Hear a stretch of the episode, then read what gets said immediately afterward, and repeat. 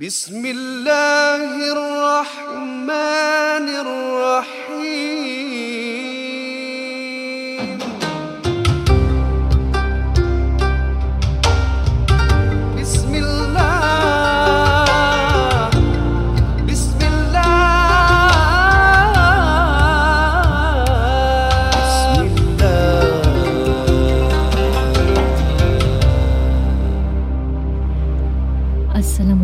Warahmatullahi wabarakatuh. Eh alamak salah lah. Starting je dah salah. Okay kita cuba lagi, kita cuba lagi. Assalamualaikum warahmatullahi wabarakatuh kepada semua pendengar NJU. Podcast ini dibawakan khas kepada anda oleh NJU Korban. Ha, kalau you wondering lain je eh, suara ni. Ha, sebab ni hari Nadia Amden dia off duty sikit. Ha, dia not feeling well. Jadi ni best friend dia lah to the rescue. Ha, okay. Untuk siapa yang belum tahu ni nama saya Lydia Izati dan saya cakap saya nak cakap saya lah mangsa keadaan hari ni untuk mengganti tempat dia. Tapi itulah that's what best friends are for kan? Ah okay. Ustazah Kalsum. Ya, apa khabar? Sihat? Khabar baik, sihat Alhamdulillah. Ni dah kali pertama Ya, kita betul. berjumpa ya. Betul betul. Ustazah Kalsum sebelum tu saya minta maaf eh kalau Ya. saya macam uh, tak segila sangat dengan kawan saya Enada Mden tu. Tapi saya akan cuba sedaya upaya. Ya, tak apa, tak apa. Ah, Kita okay. try, kita try. Kita try eh. best. Ustazah, apa Ya, khabar? Baik, baik, sihat. Baik. So, uh, awak dah makan? Dah, dah, dah. Dah. Sekarang ni kita dah boleh dine in dekat luar eh. Dah two Boleh, packs. Dah boleh? Ah, boleh. Ustazah dah boleh keluar dating lah. Dia makan kat luar. Tak ada sempat lah. dia bila dah boleh je, budak pun buka sekolah. Ah, itu. Alamak. Kita nak Itulah. kena tu eh, on to the show dulu. Okay, jadi sebelum tu kita... On to the show. Alright.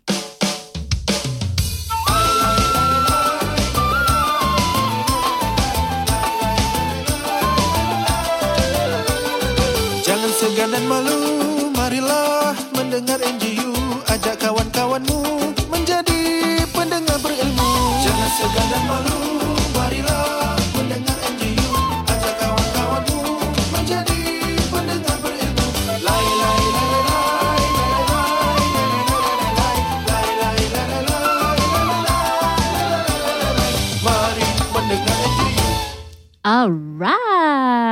Okay, Ustazah. Ya, As usual, kita ada Hmm. banyak soalan eh. betul. Dan saya akan bacakan soalan yang pertama untuk Hmm. Ustazah. Hmm. Jeng, jeng, jeng. Okay. Hmm. Wow. Ni Takutnya soalan, dengar. soalan ni sensitif eh pasal husband. No. Okay, okay dengar ni. Dua-dua dah ada husband eh. Betul, dah ada. Okay, salam Ustazah. Mm-mm. I'm at a crossroad. I have a super controlling husband. Masya Allah. He would want to know every single thing I do at work or at home or whenever I go out. Mm-mm. Even down right to going out with my family, he would want to control it. Semua dia nak control. Eh? Mm-mm. Okay, I totally understand that it's only human to get mad and such, but I think there is a limit to it. Mm-mm. Every single time he gets mad, he will criticize me for all the things I do and he can get really nasty. Mm-mm. He can go on for days not speaking to me and expect me to know what to make things right. Even I have apologized for making him angry. Hmm. So Ustazah, macam mana ni? How can I survive this Ustazah? ha, macam mana ni? Dia macam rasa nak give up ni. Jeng, jeng, jeng. Kesian dia. Confused and desperate. Itulah. Eh, Muslimah. Kesian dia. Okay, bismillahirrahmanirrahim. Uh, perkara ni kan, kalau Mm-mm. kita cakap pasal, rasa dia tak ada sentuh bab agama sebenarnya. Uh, dia, saya nak kena keluar head lagi satu lah. uh, ni head, head counselor pula. Ah, Uh, ah. macam-macam head, okay. Uh, so, uh, perkara ni adalah, perkara pertama, uh, uh, misalnya, dah lama kita buat counselling eh dari Ha-ha. segi psikologi counselling uh, tidak boleh menghukum orang secara cepat lah eh? Uh, kita pertama sekali uh, uh, orang yang tanya tu mesti nak ada depan mata lah satunya pasal kita nak kena tanya muka kawan nakir tau. Uh, kenapa apa Mm-mm. jadi. Kadang-kadang lelaki tu backgroundnya yang membuat dia macam itu. Mm-mm. eh? Uh, terlalu mungkin dikontrol oleh uh, mungkin lah. Mungkin lah kita Mm-mm. bukan buruk sangka tapi di, dikontrol oleh ibu bapa mungkin pada Mm-mm. awalnya. Jadi dia pun ikut sama. Mungkin dia rasa itu yang terbaik ataupun takut sangat. Mm-mm. Kalau lepaskan isteri mungkin takut sangat eh? Mm-mm. uh, jadi mungkin isteri tak ada me time dia tak ada Betul, time betul. dia sendiri. Dia semua nak kena ikut. Ada yang suami yang akan beli baju kan untuk isteri. So isteri tak boleh pilih. Dia belikan Eh, teruk tu Ah, tak boleh beli. Isteri tak boleh tu beli ada baju orang sendiri. okey pun dia dia Bukan bukan semua orang Eh, kalau saya tak boleh terima. Kalau suami saya nak Ha. belikan saya baju tak Ah, payahlah. tak Dia payah nak lain pilih sikit. sendiri eh ha, tapi ada setengah orang okay with that ada Mm-mm. yang mungkin tak boleh eh tak boleh patut kena bincang lah kenapa Mm-mm. daripada awal bagus kalau saudari yang bertanya ni dia Mm. tanya daripada awal memang bagus. Jangan simpan-simpan lah perkara macam gini. Mm-mm. Sebab kita takut satu masa nanti kita give up ke. Mm-mm. Kita tengok ada calon dekat luar lebih understanding misalnya. Mm-mm. Sebenarnya dia bukan tak understanding. Understanding lah tapi over control. Mm-mm. So dalam kita menilai pasangan ataupun orang-orang sekeliling tu kita nak tahu apa membuatkan dia macam itu. Kenapa? Apa yang menjadikan takut dia sampai dia tak boleh lepaskan seorang. Sedangkan dalam Singapura ni perempuan biasalah dia jalan sendiri apa semua eh. Mm-mm. Tempat luar Singapura mungkin agak uh, keadaan tak begitu menggalakkan lah. Perempuan mungkin takut nak keluar. Alhamdulillah lah Singapura ni eh. Kadang-kadang kita pun keluar malam balik malam tau Mm-mm, eh. Betul. Keluar siang balik malam eh. Keluar malam balik malam. ah, boleh jugalah. eh, tak, tak takut lah. Alhamdulillah lah eh. Safe, safety Uh-uh. kita lah. Lebih banyak terjaga lah. Alhamdulillah Betul. syukur. Tapi mungkin di tempat lain uh, mungkin ada orang Mana takut. Tak selamat lah. tak selamat Mm-mm. kan. Ah, jadi perlu berbincang. Perlu Betul. cakap dengan dia. Kalau tak boleh bincang depan mata, ada perempuan sekarang tak boleh bincang depan mata. Message lah, WhatsApp Mm-mm. ke kan. Ah, beritahu ataupun bikin video call lah, tunjuk muka. Kenapa Mm-mm. awak macam gini? Tapi kalau betul. kalau kalau FaceTime tu kadang-kadang rimas lah eh. Ah, FaceTime eh. Ha, Rimas, kalau eh. kalau macam husband control macam gini okay. Ya. Tapi bagi saya Hmm. this is more of uh, perangai husband dia lah Ah, kan. perangai. Ha, Hmm. mungkin daripada start of the marriage Ya. mereka harus uh, berbincang antara satu sama lain. Jangan tunggu pasal saya cakap tak boleh tunggu lah. Yelah, jangan dah 10 tahun husband macam Ah. itu lepas tu sekarang baru nak Ah, cakap kan dah terlambat. Cakap. Tapi uh, tak boleh cakap tak jugalah. juga, nanti eh? oh, Ha-ha. nanti orang marah pula. Sekarang baru NJU ada baru nak tanya. ha, kan? Betul. Ah, dulu tak Ha-ha. ada open. Dulu tak nak tanya macam pula. gitu kan. Mm-mm. Tak ada openness mungkin. Ah, masyarakat kita belum open boleh tanya macam gini. Betul. Ah, mungkin sekarang dah boleh. Nanti kalau tanya pula dia kata ah, sekarang ada satu ah, perempuan-perempuan ni ataupun lelaki pun takut. Ah, bila kita cakap pasal pasangan kita kita nak minta advice takut Mm-mm. mem- membuka aib mereka berdosa. Betul. Ah, itu pun Mm-mm. ada. So kita mesti Setuju. nak faham every angle lah. Eh kenapa orang macam gini apa macam gitu. Ah, mungkin pendengar ah, kita kita bukan nak judge mana-mana. Ah, kita kan non non judgmental kan. Betul. Kita bukan nak judge mana-mana. Ah, mungkin ah, ada kelebihan pada suami yang mungkin ada berkelebihan dan kekurangan. So you yang terbaik adalah bincang beritahu dia kenapa jadi macam gini. Ataupun kalau susah bawa dia sekali lah. Kan Mm-mm. kalau nak pergi family gathering jadi masalah bawa dia sekali. Mm-mm. Ah, mana-mana. Suami saya ikut je saya mana pergi. Mm-mm. Yalah, kalau sen- dia ah, insecure lah. Ah, kalau dia Ah. macam gitu nak bantu kita mungkin. Ah, nak menyenangkan kita. Nak nengok kita, nampak kita. Ah, whatever lah kita kan. Ah, kedai kita. Dah jadi kedai kita. Mm-mm. Ah, so uh, bawa dia sekali. Ataupun Hmm. dia mungkin ada pula nak bawa. Tak boleh. Pasal apa dia dengan family kita tak berapa ngam. Dia tak suka pun Ah, ada. betul, betul, Jadi betul. banyaklah masalah-masalah yang perlu kita Mm-mm. fikirkan. Kenapa, kenapa, kenapa. Tak Mm-mm. boleh nak jawab secara terus lah. Eh? Uh, kerana ini adalah uh, berkenaan dengan masalah tabiat orang, masalah perangai, masalah uh, mungkin miskomunikasi, uh, masalah takut nak cakap. Uh, kan? Uh, jadi macam-macam lah berbaur dekat situ. So step by step mesti nak diubah lah step by step. Ambil sikit sikit sikit. Mungkin bercakap dulu beritahu kenapa kita tak boleh macam itu you nak kadang-kadang eh orang tak nampak another side tau. Mm-mm. macam kalau CCTV kan kita akan nampak oh kenapa dia, dia buat macam gini eh? Gini gini Mm-mm. gini gini. Kita akan nampak flow kan? Mm-mm. ha, jadi ada juga cerita-cerita yang misalnya dia boleh tengok sama-sama Mm-mm. cerita yang berkenaan lelaki yang over control isteri Mm-mm. mungkin dia boleh nampak that side sama-sama Mm. tengoklah cerita Yalah. kan drama ada Dia tak kasih hint lah. ada tak you ingat Drama, drama apa, kontrol. Drama Melayu banyak ni. drama Melayu banyak eh orang putih tak ada Orang putih. kalau orang suka tengok cerita Mm-mm. barat ni eh Yalah, yalah. ha, Tapi boleh lah sebagai saya faham, panduan Saya faham. Uh, sebab tapi dalam situasi sekarang ni um, saya rasa kadang-kadang bukan suami yang kontrol, isteri pun Hmm. ada kontrol juga. Jadi betul pada correct pendapat ustazah uh, penting tak kalau kita nak kena ada space between husband and wife ni? Macam me time lah kononnya. me time Ha. uh, terpulang pada individu ada Mm-mm. orang doesn't, doesn't need tak tak tak ada need benda tu Mm-mm. Ha, so kita nak suruh pula nanti dia cakap saya tak perlukan kan. Mm-mm. Ha, depends on masing-masing lah. Tidak ada salah dan silapnya. Eh? Mm-mm. Untuk kita nak try something yang boleh membawa kebahagiaan kepada both. Okay. Untuk kebahagiaan keluarga. Macam ada orang nak pergi, tengoklah kalau kita tak boleh nak ada uh, holiday tiap-tiap uh, se- setahun mungkin orang holiday berapa kali eh? Uh, banyak Mm, kali. Banyak kali Ha, lah. cuti Mm. pergi holiday kan. Mm-mm. Pada dia bagus untuk merapatkan hubungan keluarga suami isteri. Betul. Yang bagus. Mm-mm. Pada kita mungkin kita tak boleh. Bila kita tak boleh takkan kita nak paksa, Paksa orang pula lah. jangan. Mm-mm. eh, Uh, apa yang baik untuk keluarga anda buat. Tak apa. Mm. Uh, sampaikan Nabi cakap apa yang me- boleh meng- me- menggembirakan pasangan kamu kamu buat. Dapat Mm-mm. pahala. Yalah, Tak yalah. kira lelaki ataupun perempuan. Mm-mm. Kan dia nak melawar kat, kat dalam rumah dia. Nak melawar, Mm-mm. dapat pahala. Betul. Kan? Uh, begitulah. Mak- maknanya kita tak tahu pasangan awak suka apa.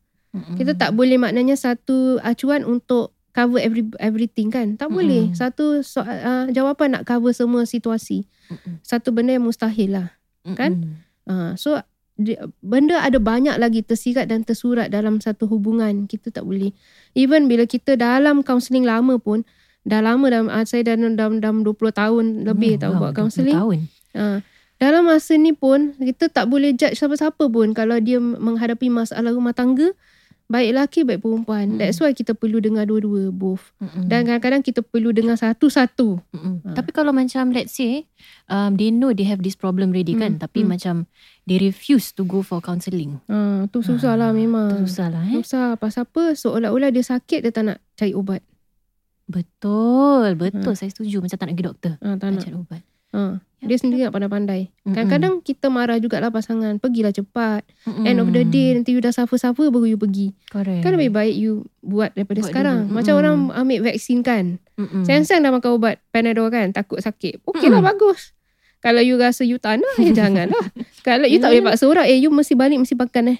You mesti yalah, yalah. kan. Ah, dia rasa dia okey. Okey lah. Kalau you rasa kejap lagi, kejap lagi lah. Tak ada betul salah lah.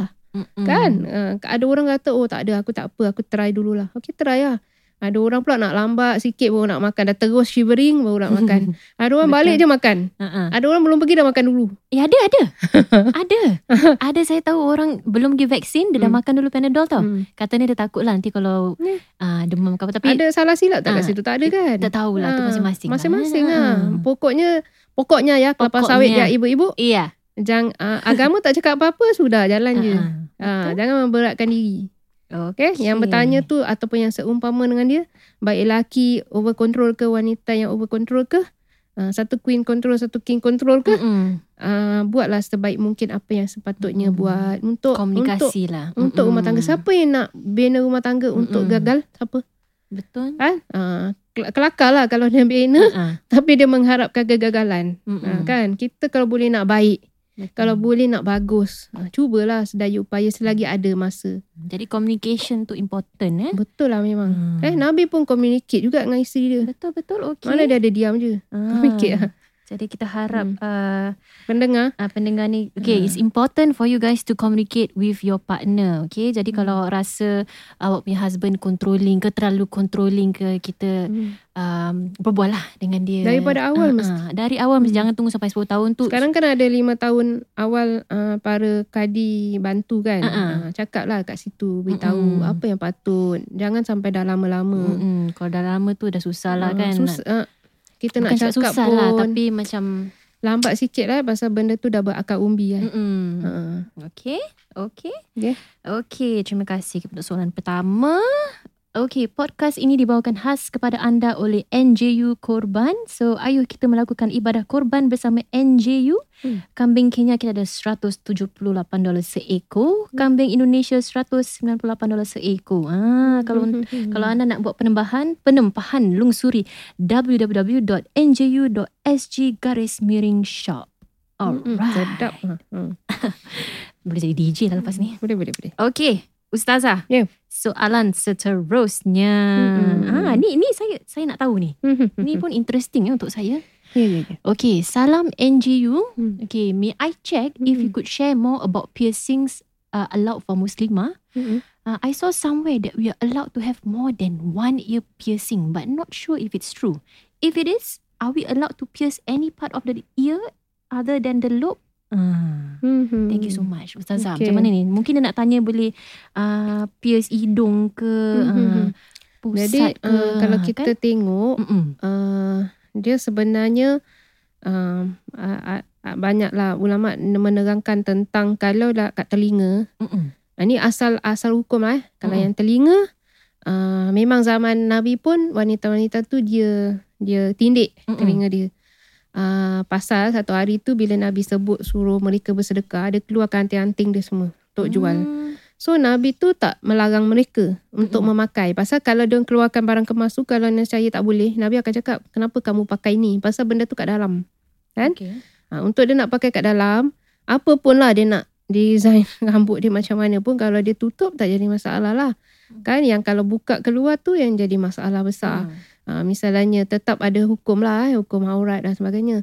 Tapi uh, tentang dekat dalam tu kalau dia dia uh, anu banyak-banyak tu dekat dia punya telinga, Telinga dia, selain hmm. daripada lubang yang biasa dia pakai tu ada beberapa perkara yang perlu kita uh, jaga iaitu uh, risiko dia. Uh, kalau you tengok eh Lydia kan, Mm-mm. Lydia kalau tengok uh, kalau you google ke apa uh, jangan cakap pasal tentang hukum, cakap pasal kesihatan. Okay. Uh, dia boleh membawa risiko kepada penyakit kalau dia banyak-banyak tu. Hmm. Kalau tindik banyak-banyak Ah, lubang lah. kira. Lubang. Hmm. Hmm. Pasal uh, dekat tepi-tepi situ, uh, kalau you tengok you Google semua, Mm-mm. pun uh, orang akan kasih you macam-macam nasihat supaya macam mana you nak jaga. Waktu diorang nak buat tu pun benda, dia nak lubangkan tepi-tepi selain daripada yang lubang biasa tu, tu pun you nak kena jaga-jaga siapa yang buat, dia dah cuci betul ke tidak, hygienik dia semua. Hmm. Tak boleh macam sembarang-sembarang tempat lah. Pasal ada setengah, mungkin uh, setengah tempat bila bikin tu macam terlalu sembrono je main buat je. Mm-mm. So kerana dia boleh mem- membiak uh, penyakit dan bakteria kat situ, kuman. Okay. Dan kadang-kadang kita tengok uh, tepi-tepi tu yang lain-lain tu kalau tak jaga betul-betul uh, boleh jadi luka kat atas-atas semua. Uh, so jangan sampai membahayakan dirilah.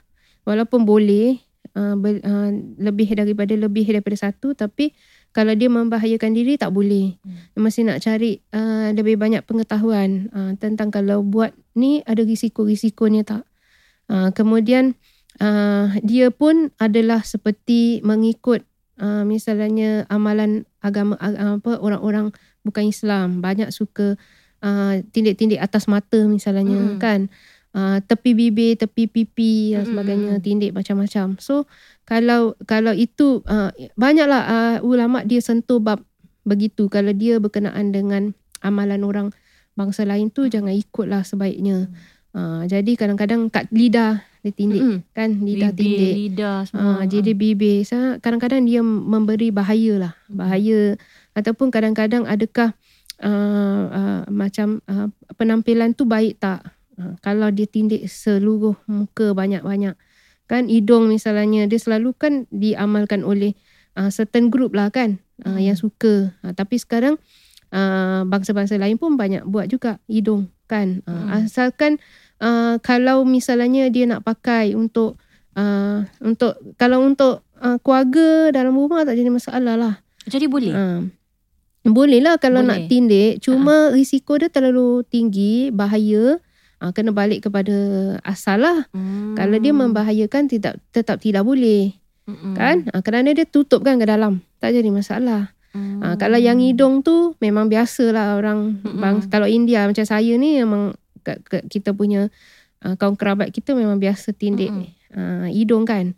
Uh, so perkara tu dah jadi macam perkara lumrah biasa. Normal Pasal gitu. kita Mm-mm. orang India Muslim pun selalu pakai. Mm-mm. Okay? Walaupun dia datang daripada kita punya kita punya uh, apa tu bangsa kita lah. Mm-mm. Uh, saya orang India ni selalu Hmm. dia akan pakai gitu. Tapi tak berlebih-lebihan lah. Mana-mana tidak hidung kan. Uh, dalam tu telinga kita tak tahu lah, tak nampak. Mm-mm. Ha, tapi kalau berlebih-lebihan dari segi tindik telinga tu, kalau dia boleh membahayakan, kita harus stop lah. Untuk kesihatan Ha, lah. untuk kesihatan. Mm-mm. Mesti jaga lah betul-betul. Kena rajin. Eh, macam orang pakai contact lens semua. Yelah, yelah. Mesti rajin kalau keluarkan. Jadi Ha-ha. kalau misalnya you tak rajin, sampai membawa kepada uh, mata rosak, Ha-ha. uh, you pun akan dipertanggungjawab berdosa lah.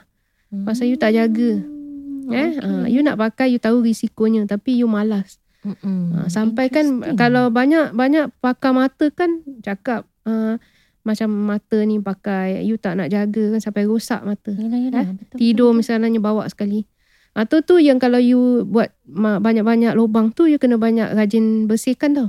Hmm. Eh, ha, buka satu-satu kena rajin bersihkan.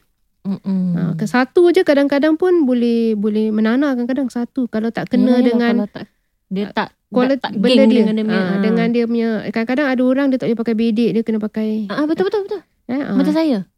Kena pakai mask. Bukanlah bukan kena pakai emas tapi Boleh? untuk saya macam saya tak boleh pakai yang macam plastik-plastik ha, plastik-plastik nanti tak boleh. macam gatal-gatal gitu. Habis apa yang boleh? Ah, Emas lah. Bukan. Silver boleh. Silver boleh. Ah, Ha, emas maknanya boleh lah. ha, plastik-plastik tak boleh. Ah, Macam plastik tak boleh. Kadang-kadang kita tengok kan cantik kan plastik-plastik Ha-ha. kat luar tu kan. Murah, Macam ah, murah, murah ha. lagi pun. Yalah macam-macam budak-budak saya suka. pakai, ah, satu hari dua hari je Ah. terasa macam merah gatal-gatal. Ha, budak-budak suka kan kadang kan. Yelah, yelah. Ha, pun anak saya pun tak Mm-mm. boleh pakai gitu. Jadi dia akan menanah dan darah. So kalau yang tempat-tempat tadi tu lagi tipis tempat tepi tepi-tepi kita punya Mm-mm. kuping tu lagi tipis dan kena rajin lah kalau nak buat. Eh? Okay, okay. Terima kasih Ustazah. Thank you for clarifying. Pasal So- tak ada hukum yang cakap Mm-mm. Yelah, tak- yelah. tak Jadi, boleh.